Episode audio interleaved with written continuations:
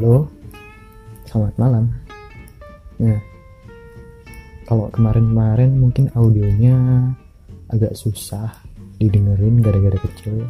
Mungkin audio dari rekaman podcast kali ini bakal lebih enak didengar. Ya mungkin salah satu penyebabnya adalah aplikasi yang aku gunakan.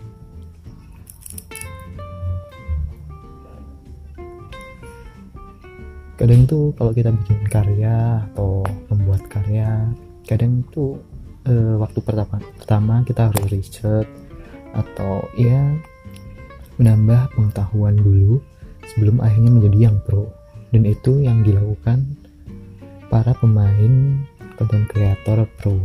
Nah pada kesempatan besok kalau jadi aku bakal kolab, salah uh, ngadain kolaborasi uh, kolaps gitulah uh, podcast sama salah satu konten kreator yang berasal dari Jawa Tengah.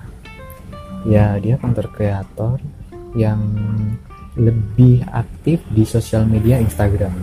Mungkin buat kamu yang suka ini uh, suka ngedengerin eh bukan ngedengerin suka main Instagram apalagi explore uh, explore explore wilayah gitu yang punya hobi fotografer atau naik gunung atau traveling mungkin bakalan tahu konten creator yang akan aku undang besok itu. Yang kebetulan dia lagi ada kerjaan di tempatku stay sekarang. Nah kalau dari kemarin-kemarin tuh suara audio tuh ya ini ya nggak mungkin mungkin nggak terlalu terdengar jelas. Semoga untuk rekaman yang kali ini bakal terdengar jelas.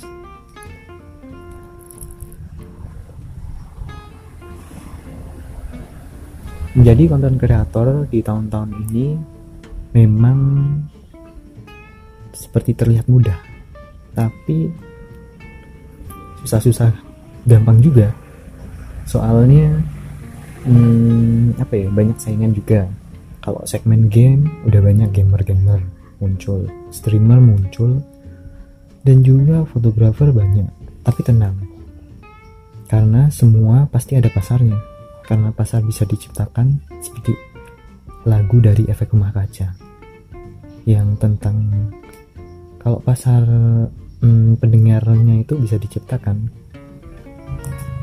Ya kita lihat aja band-band indie yang mulai sekarang-sekarang ini mulai apa ya? E, mulai digandrungi. Mulai populer di kalangan ya pemuda-pemudi. Apa sih bahasa enaknya? Kayak para bro-bro. Aku pakai sebutannya bro korigor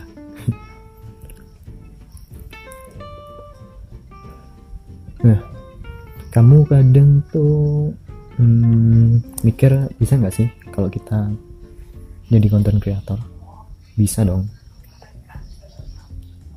Semua orang bisa. Semua orang punya kesempatan. Dan semua orang sebenarnya punya ini juga. Punya niat.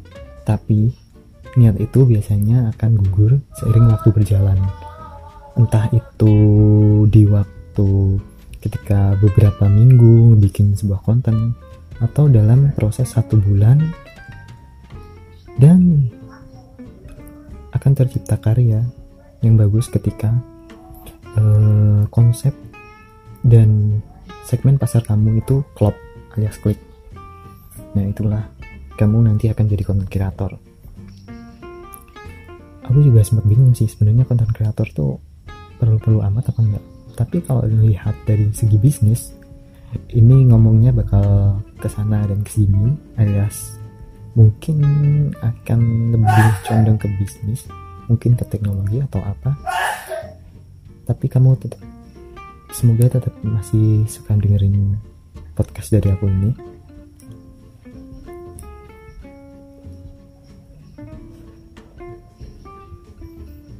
Nih aku uh, ceritain ya uh, ada kadang konten kreator yang dia sebenarnya tuh nggak mau jadi konten kreator.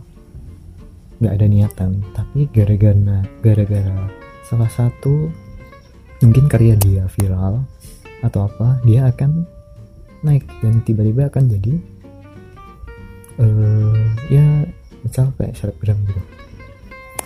Ya kita nggak pernah tahu walaupun karya yang kita anggap itu sepele kalau kita upload di internet kadang tuh ada aja orang yang suka. Ya kita hitung aja penduduk. Kalau kita hitung aja penduduk dari Indonesia itu berapa sekarang berapa juta? Itu bisa menjadi apa ya lahan buat kita untuk berkarya. Mungkin satu juta orang nggak apa ya nggak suka. Tapi jutaan orang yang lainnya akan suka. Seperti kita lihat aja seperti youtuber yang tahun-tahun kemarin itu cepet banget naik subscribernya. Ya Bang Atta. Dia dengan konsisten upload setiap hari dan akhirnya dia dapatkan ya bonusnya sekarang. Jadi youtuber yang memiliki subscriber terbanyak di Indonesia dan di Asia kalau nggak salah sekarang. Masih Bang Atta setauku.